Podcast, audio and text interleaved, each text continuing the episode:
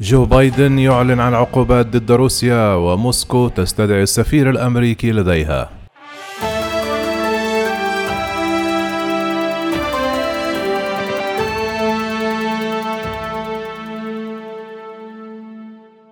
تشهد العلاقات الأمريكية الروسية تصعيدا على خلفية سلسلة عقوبات مالية أعلنت عنها واشنطن الخميس ضد موسكو. وتأتي هذه العقوبات ردا على هجمة معلوماتية كبيرة في عام 2020 والتدخل في الانتخابات الرئاسية عام 2020 الذي نسب إلى موسكو. من جانبها استدعت روسيا السفير الأمريكي لديها جون سوليفان وقالت إن الرد على العقوبات الأمريكية الجديدة لا مفر منه. أعلنت حكومة الرئيس الأمريكي جو بايدن الخميس عن سلسلة عقوبات مالية ضد روسيا وطرد عشرة دبلوماسيين روس ردا على هجمات معلوماتية والتدخل في الانتخابات الرئاسية لعام 2020 الذي نسب إلى موسكو. وتضمن بيانا للبيت الأبيض أن رئيس الولايات المتحدة وقع مرسوما يتيح معاقبة روسيا مجددا بشكل يؤدي إلى عواقب استراتيجية واقتصادية إذ واصلت أو شجعت تصعيد أعمالها المزعزعة للاستقرار الدولي. في إطار هذا المرسوم منعت وزارة الخزانة الأمريكية المؤسسات المالية الأمريكية من الشراء المباشر لسندات خزينة تصدرتها روسيا بعد الرابع عشر من حزيران يونيو المقبل. كما فرضت عقوبات أيضا على ستة شركات تكنولوجيا روسية متهمة بدعم أنشطة القرصنة التي تقوم بها استخبارات موسكو.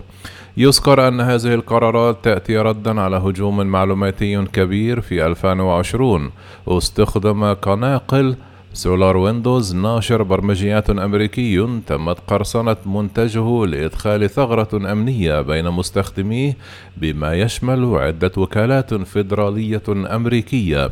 وتتهم إدارة بايدن روسيا رسميا بأنها مسؤولة عن هذا الهجوم كما سبق أن ألمحت. من ناحية أخرى فرضت الخزانة الأمريكية عقوبات على 32 كيانا وشخصا بتهمة محاولة التأثير على الانتخابات الرئاسية في الولايات المتحدة عام 2020 باسم الحكومة الروسية كما أضاف البيت الأبيض. وبالتنسيق مع الاتحاد الأوروبي وكندا وبريطانيا وأستراليا فرضت الحكومة الأمريكية أيضا عقوبات على ثمانية أشخاص وكيانات شريكة في احتلال شبه جزيرة القرم والقمع المستمر فيها.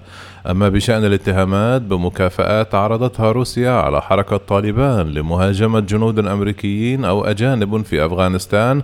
بقي البيت الأبيض في الوقت الراهن متكتما مؤكدا أن هذه القضية تدار عبر قنوات دبلوماسية وعسكرية واستخباراتية. من جانبها قالت المتحدثة باسم وزارة الخارجية ماريا زخاروفا الخميس أن الرد على العقوبات الأمريكية الجديدة لا مفر منه وأن الوزارة استدعت السفير الأمريكي لدى موسكو جون سوليفان. وقالت في تصريحات متلفزة الولايات المتحدة ليست مستعدة لقبول الحقيقة الموضوعية بأن هناك عالما متعدد الأقطاب يستبعد الهيمنة الأمريكية ولا مفر من الرد على العقوبات. في بروكسل عبرت الدول الأعضاء في, شفا في حلف شمال الأطلسي الخميس عن دعمها لقرار واشنطن. إذا أعلن وزير خارجية الاتحاد الأوروبي جوزيف بوريل الخميس باسم الدول الأعضاء السبعة وعشرون تضامن التكتل مع الولايات المتحدة في ملف الهجمات الإلكترونية التي تخللت حملة الانتخابات الرئاسية في عام 2020 والتي نسبتها واشنطن إلى موسكو. وجاء في بيان لوزير خارجية الاتحاد الأوروبي جوزيف بوريل نشارك شركائنا مخاوفهم على كل اللاعبين الامتناع عن أي سلوك غير مسؤول ومزعزع للاستقرار في الفضاء الإلكتروني.